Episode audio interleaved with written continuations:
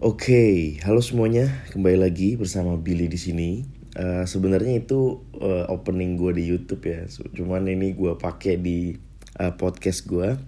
Selamat datang semuanya di podcast pertama gue. Ini adalah uh, podcast di mana tempat gue sharing, tempat gue cerita. Karena kalau di YouTube itu ya kan gue kebanyakan biasanya bahas gadget, bahas smartphone kalau di Twitter juga meskipun gue sharing tentang uh, interview terus juga tentang macam-macam ya ada tips-tips gitulah.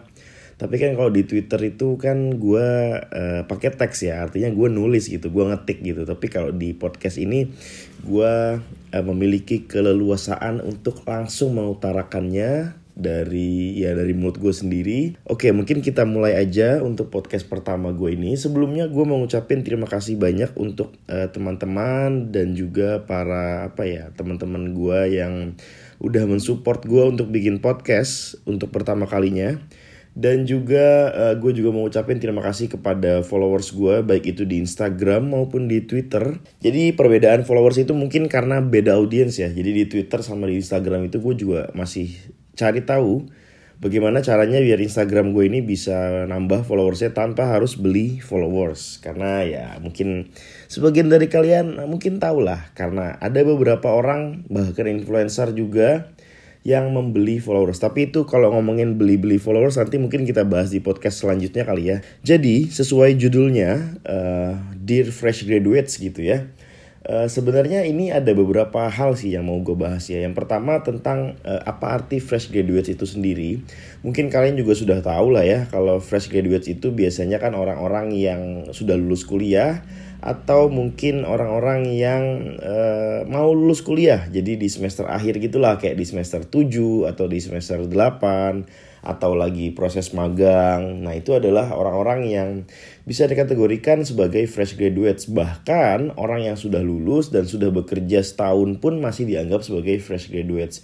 Karena sepengetahuan gue, eh, beberapa HRD itu masih menganggap pengalaman kerja satu tahun sampai dua tahun itu sebagai fresh graduates. Jadi gue mau ngebahas tentang uh, kualifikasi dan kompetensi. Jadi dua hal ini adalah salah satu apa ya hal yang harus kalian benar-benar uh, fokus. Nah, kompetensi dan kualifikasi ini adalah salah satu syarat bagi setiap fresh graduates untuk menghadapi dunia kerja. Karena gimana pun ya, kalau kita bukan orang yang kaya-kaya banget gitu ya, atau kita juga nggak punya orang tua yang punya usaha sukses sehingga kita punya kesempatan untuk meneruskannya, Gue rasa uh, para fresh graduates yang sudah lulus kuliah harus siap-siap menghadapi yang dinamakan dengan dunia kerja. Nah, dunia kerja itu apa gitu? Kenapa kita harus kerja dan kenapa kita harus mempersiapkan diri untuk menghadapi dunia kerja? Jadi sebenarnya gini, sebelum kalian fokus menghadapi dunia kerja dan mencari tahu apa yang dimaksud dengan dunia kerja,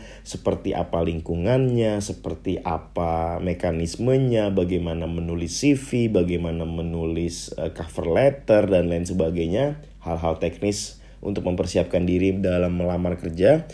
Satu hal penting yang mau gue share ke kalian adalah bagaimana caranya untuk bisa mengenali dulu potensi diri jadi coba rencana untuk melamar kerjanya ditaruh di satu folder dulu, disimpan dulu. Sekarang coba fokus dulu ke uh, mengenali potensi diri. Jadi waktu di N-Session part 1, waktu itu ada event kecil-kecilan dari N-System. Mungkin kalau misalnya kalian belum tahu, uh, eh, gue di sini sebagai founder N-System. N-System itu apa? N-System itu adalah ya media online yang jadi platform untuk uh, sumber pengetahuan lah ya untuk sharing gitu lah ya. Jadi di, di website ensystem.com kalian bisa cek aja nanti di Ain System Ains E I N S terus istant.com nsystem.com itu membahas berbagai tips mulai dari karir tips terus juga ada interview tips terus juga ada self development tips dan yang terbaru ada freelancer tips juga. Nah mungkin nanti kalau kita ngebahas tentang freelancer mungkin ada di podcast selanjutnya kali ya tapi gue mau fokus dulu ke sini. Oke kita balik lagi ke topiknya tadi jadi melebar gini ya. Jadi gue mau ngebahas tentang apa tadi uh, end session yang part pertama ya atau part 1 jadi gue ngebahas di situ tentang tentang cara terbaik kenali potensi diri. Jadi sebelum kalian melamar kerja, kalian mendingan cari tahu dulu deh potensi diri. Nah, bagaimana caranya? Cara yang pertama adalah kalian harus tahu dulu kalian ini tipe orang yang gaya belajarnya itu seperti apa. Jadi ada orang yang gaya belajarnya itu harus menulis, jadi harus nyatet gitu ya. Jadi harus melihat dan harus mencatat. Itu tipenya tipe visual gitulah. Jadi dia harus melihat, terus kalau dia udah lihat, dia harus catat tujuan dia mencatat adalah untuk dia melihat lagi nanti untuk merecall lah. Jadi apa aja yang sudah dia pelajari. Nah kebanyakan e, orang ini biasanya seperti ini ya tipenya visual ya. Jadi dia sering mencatat kalau ada apa-apa dia catat biar dia nggak lupa. Dan nanti di rumahnya mungkin waktu SMA dulu dia e, sering mencatat. Bahkan catatannya itu penuh warna dan tulisannya sangat rapi. Bahkan sampai difotokopi oleh teman-temannya. Mungkin sebagian dari kalian juga melakukan hal ini ya dan itu wajar dan kalau misalnya kalian sudah tahu persis bagaimana cara kalian belajar, sejujurnya itu adalah hal yang sangat bagus karena itu sangat menentukan ke depannya bagaimana nanti kalian menghadapi berbagai permasalahan, berbagai materi baru yang akan kalian terima. Jadi itu tipe yang pertama, tipe visual. Yang kedua adalah tipe audio atau tipe orang yang ngedengerin gitu. Jadi ini tipe audio ini termasuk tipe yang uh, gua anut gitu ya. Maksudnya tipe audio itu gimana sih kalau di bahasa apa ya? Kalau di bahasa uh, psikologinya tuh auditory kalau nggak salah. Jadi orang-orang yang bertipe audio atau auditory ini adalah orang-orang yang kalau belajar itu dia dengerin doang dan duduknya tuh kadang suka selengean gitu ya kayak misalnya di belakang gitu terus kakinya sambil digoyang-goyangin atau sambil dinaik-naikin sambil main pulpen matanya nggak jarang banget eye contact sama guru atau sama orang yang ngajarin. Dan orang-orang seperti ini tapi biasanya dia tetap dengerin gitu loh. Jadi konsentrasi dia itu bisa tetap mendengarkan dengan baik. Nah ini adalah kegaya belajarnya gue jadi gue waktu di sekolah waktu di kampus itu jarang banget nyatet yang gue lakukan ketika gue masuk ke kelas ketemu dosen belajar adalah dengerin apa yang diucapkan sama dosen. Cuman uh, kelemahannya orang-orang yang belajar seperti ini gayanya itu biasanya dia suka lupa. Dan caranya untuk menyempurnakan belajar orang-orang yang bertipe auditori ini adalah dia minjem catatan orang terus orangnya tuh suruh bacain gitu dan dia dengerin lagi gitu. Biasanya sih kayak gitu. Tapi kalau misalnya itu terlalu ngerepotin orang ya kadang-kadang ya catatan itu ya dia baca sendiri. Kadang dia baca sendiri dengan suara yang terdengar oleh kupingnya sendiri. Jadi dia membaca tapi dia mendengar gitu loh. Itulah kira-kira seperti itu uh, untuk gaya belajar orang auditori. Jadi gue termasuk di situ dan kelemahannya lagi kalau menurut gue ini pernah menjadi catatan juga waktu gue dulu kerja sempat kerja di perusahaan India. Uh, bos gue itu marah-marah karena dilihatnya gue itu main-main gak konsen pada saat meeting gitu. Jadi dianggapnya tuh gue kayak apa kayak pelangap pelongo nggak denger sambil mainin pulpen lah atau mainin buku yang ada di depan gue lah atau mainin apa pun yang ada di depan gue dan gue juga nggak ada eye contact sama dia padahal gue dengerin 100% gue fokus sama apa yang dibicarakan dan itu pun bisa diuji gitu loh bisa diuji dari uh, ketika bos gue nanya ya gue jawab dengan baik gitu loh dan pada awalnya bos gue kurang bisa nerima uh, hal itu karena dianggap sikap gue itu kurang bagus gitu loh. Gue dinilai sebagai orang yang tidak bisa fokus, tidak bisa memperhatikan, tapi lambat laun bos gue, uh, gue kasih penjelasan dan akhirnya dia mengerti. Nah, itu tipe belajar atau gaya belajar yang kedua. Dan yang ketiga gaya belajar yang ketiga ini adalah audio visual. Jadi digabung. Nah biasanya ini bentuknya dalam bentuk video atau dalam bentuk presentasi. Nah orang-orang seperti ini juga banyak uh, dia lebih suka mendengarkan uh, orang yang presentasi sambil ada ilustrasinya gitu di gambar atau di slide kayak gitu ya. Atau bahkan juga dia sangat suka untuk menonton video atau menonton animasi atau menonton apa lagi. Ya pokoknya orang ya pokoknya uh, materinya ini disampaikan dengan ilustrasi-ilustrasi lah. Dan orang-orang seperti ini sangat suka dengan dosen yang sangat interaktif dan punya slide yang bagus gitu loh. Jadi dia punya biasanya punya dosen favorit bukan karena dosennya ini ngajarnya enak tapi karena dosen ini uh, punya visualisasi dan penjelasan yang sangat enak untuk didengarkan. Jadi tiga gaya belajar ini harus kalian pahami dengan baik sebelum kalian mulai melamar kerja. Nah, jadi cara terbaik kenali potensi diri adalah cari tahu gimana gaya belajar kalian karena apa pun yang kalian lakukan ke depannya, baik itu di dunia kerja, baik itu di dunia magang, atau apa pun itu, gaya belajar yang tepat sangat menentukan kalian akan secepat apa belajarnya dan bisa secepat apa mengaplikasikannya. Jadi itu saran gue untuk apa namanya para fresh graduates yang mungkin uh, pengen cari kerja gitu ya atau mungkin udah ngelamar kerja sana sini tapi kok belum dapet ini kesempatan kalian buat belajar. Jadi dimanfaatkan waktunya untuk uh, kenali diri, kenali potensi diri dan cari tahu gaya belajar kalian seperti apa. Dan kalau misalnya kalian temukan kelemahan-kelemahan yang ada di gaya belajar itu ya kalian silakan cari ya cari bumpernya, cari coverannya gitu loh, cari cara untuk bisa memenuhi dan bisa menyempurnakannya gitu loh. Jadi kayak misalnya gue, gue gaya belajarnya auditori yang cuma dengerin doang, tapi kelemahannya kan tadi udah gue bilang ya. Jadi ya caranya ya gue cari catatannya gue lihat tulisannya lagi gue baca lagi kayak gitu sih. Jadi itu cara pertama sebelum kalian uh, mulai CV CV-an atau mulai nulis cover letter dan lain sebagainya. Jadi itu caranya. Yang kedua selanjutnya yang mau gue bahas adalah tentang kalau misalnya kalian sudah tahu gaya belajar kalian itu seperti apa Selanjutnya yang harus kalian cari tahu ini masih sama tentang uh, kenali potensi diri kalian sebagai fresh graduates harus benar-benar paham bahwa organisasi itu sangat penting. Jadi, selama kalian kuliah, ini buat anak yang masih kuliah, gue saranin kalian ikut organisasi sebanyak mungkin dan sesering mungkin.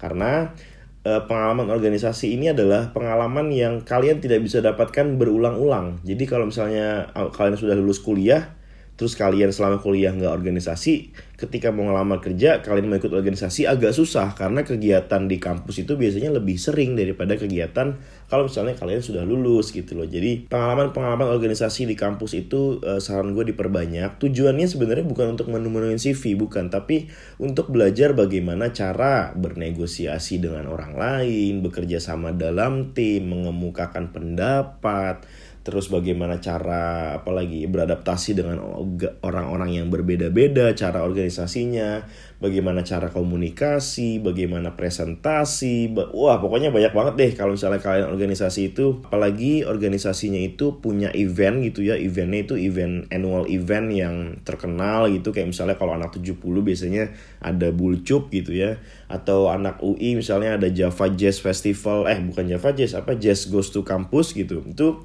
event-event seperti itu uh, yang besar-besar gitu yang punya nama itu sangat mendongkrak pengalaman kalian ya. Jadi dengan harapan kalau misalnya nanti kalian bikin CV, kemudian kalian tuliskan pengalaman kalian di situ. Misalnya uh, gua punya pengalaman organisasi sebagai panitia di bagian sponsorship gitu di uh, Jazz Goes to Campus UI gitu misalnya ya.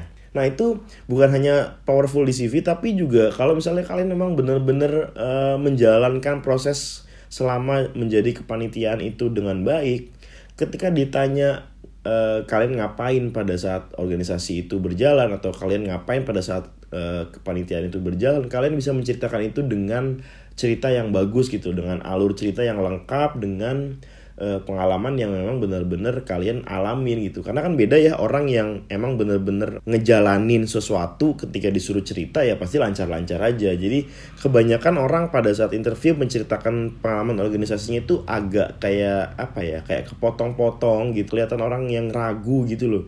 Kayak kelihatan orang yang apa ya kayak kayak nggak ngejalanin gitu loh. Menurut gue bukan karena dia nggak ngejalanin apa yang dia tulis atau mungkin dia berbohong gitu ya bukan. Menurut gue mungkin pada saat kalian jadi panitia kalian itu nggak bener-bener uh, menjalankan itu dengan total gitu loh. Sehingga details-detailsnya kadang kalian masih kurang gitu. Dan jangan lupa nanti ketika kalian sudah menuliskan uh, pengalaman organisasi di CV kalian uh, silahkan diukur kira-kira apa yang mau diceritakan dari setiap kepanitiaan yang kalian tuliskan di CV kalian. Misalnya tadi gue bilang gue divisi uh, staff sponsorship di Jazz Goes to Campus Universitas Indonesia gitu misalnya. Nah dari situ gue ceritain poin-poinnya yang mau gue ceritain itu apa aja. Pertama, gue di situ ada timnya ada berapa orang, terus gue laporannya ke siapa, lalu uh, duty gue atau job description gue atau gue di situ ngapain aja gue ceritain. Kira-kira pakai poin-poin aja kayak empat hal gitu lo ceritain. Iya gue cari list sponsorship uh, Jazz Goes to Campus tahun lalu.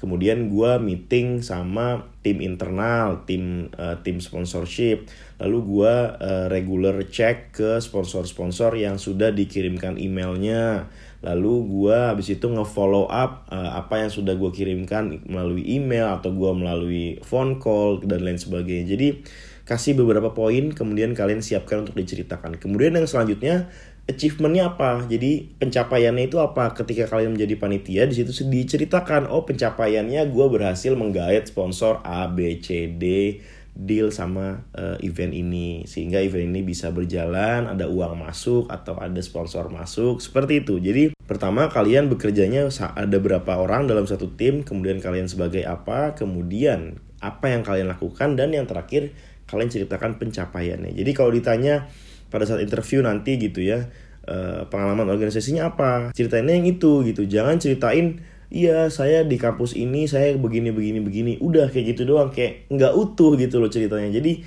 setelah kalian dengarkan podcast ini gue berharap apa yang kalian ceritakan nanti di CV kalian itu apa ya diceritakan secara utuh sehingga HRD punya gambaran kalian ini orangnya seperti apa kayak gitu loh. Jadi itu tentang uh, pengalaman organisasi. Jadi apa aja yang harus kalian persiapkan sebelum kalian melamar kerja atau sebelum kalian mulai memasuki hal-hal detail ya mungkin di podcast selanjutnya akan gue share kali ya gimana cara mempersiapkan diri untuk melamar kerja kemudian hal yang ketiga selanjutnya yang mau gue bahas adalah tentang menguasai bahasa Inggris. Nah, ini sebenarnya agak menarik nih. Mungkin ini bisa jadi satu tema podcast uh, lagi ya. Tapi basically yang mau gue share di sini adalah tentang bahasa Inggris. Gini, gue mau kasih tau info dulu.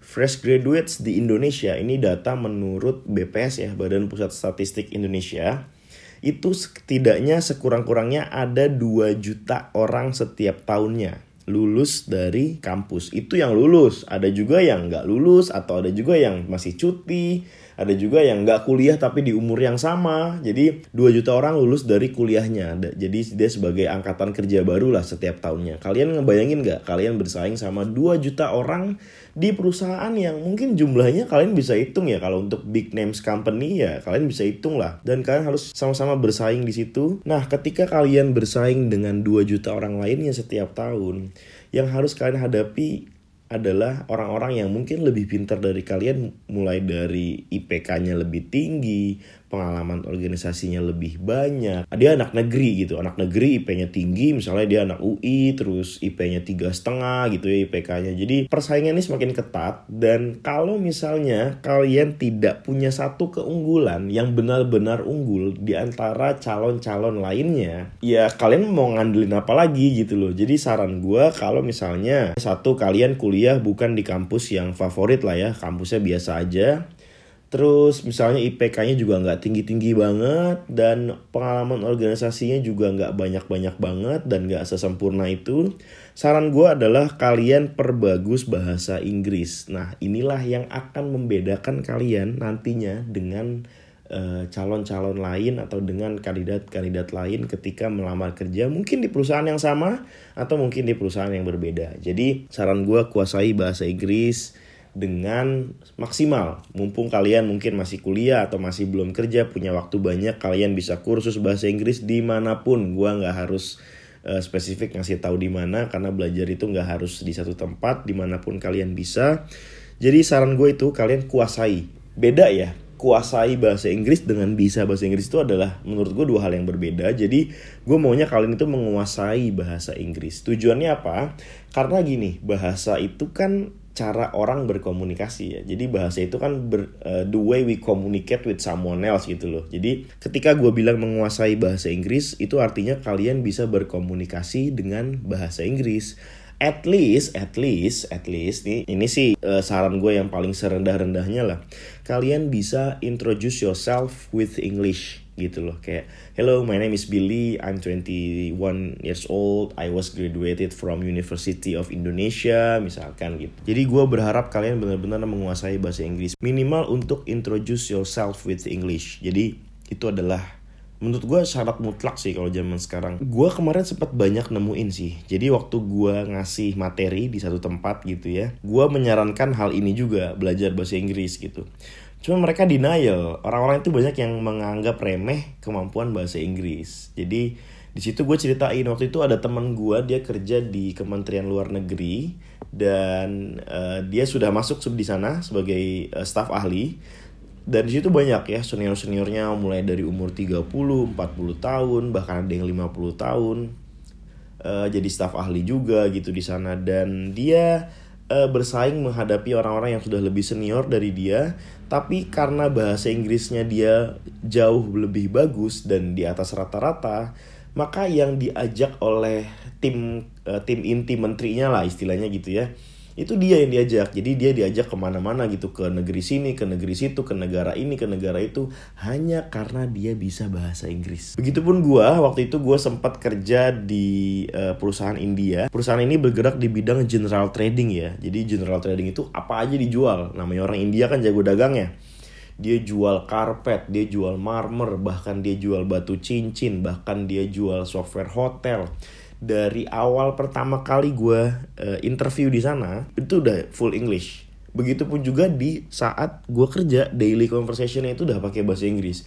Karena sekitarnya itu udah banyak orang India, jadi nggak mungkin kita ngomong pakai bahasa Indonesia. Dan di situ gue ngerasain bener-bener enak banget ketika uh, society dan environment itu mensupport ya. Jadi saran gue kalau misalnya kalian mau belajar bahasa Inggris salah satu cara metode yang paling efektif adalah mencari society atau mencari environment atau mencari kumpulan orang yang memang satu uh, pemikiran sama kalian.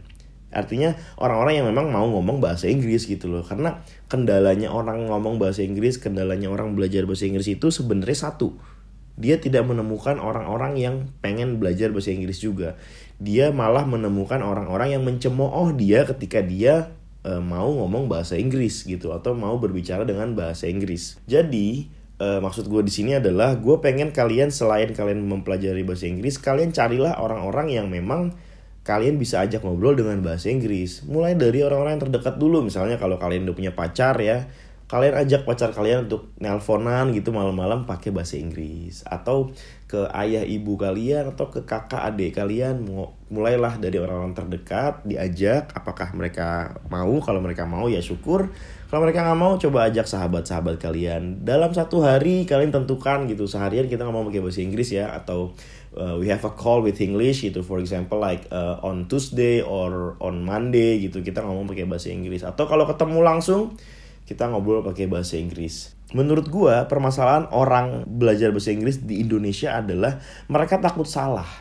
Itu menurut gua jadi salah satu faktor terbesar kenapa orang Indonesia itu tidak mengerti dengan baik bahasa Inggris atau sulit menguasai bahasa Inggris. Karena yang ada di otaknya itu adalah gimana caranya biar gue nggak salah ngomong bahasa Inggris. Padahal bahasa Inggris itu adalah cara kita berkomunikasi karena bahasa itu untuk komunikasi. Jadi as long as uh, lawan bicara lo ngerti apa yang lo omongin ya lo nggak usah khawatir salah gitu dan bahasa Inggris itu nggak harus sempurna kayak ejaannya harus bagus, pronunciationnya harus bagus, grammarnya harus bagus, urutannya harus bagus segala macam nggak usah. Lu ngomong orang ngerti selesai gitu. Jadi buatlah bahasa Inggris itu kemampuan bahasa Inggris itu e, berbicara bahasa Inggris itu buatlah orang itu nyaman mendengarkannya gitu. Orang itu mengerti dengerin kalian ngomong. Jangan kalian ngomong bahasa Inggris tapi orangnya nggak ngerti karena percuma. Selain karena e, faktor tidak mau salah berbicara bahasa Inggris atau takut salah. Dan ketakutan ini pun disebabkan oleh hal lain juga yaitu takut dicemooh orang takut dikatain orang takut dicengin orang. Ini udah jadi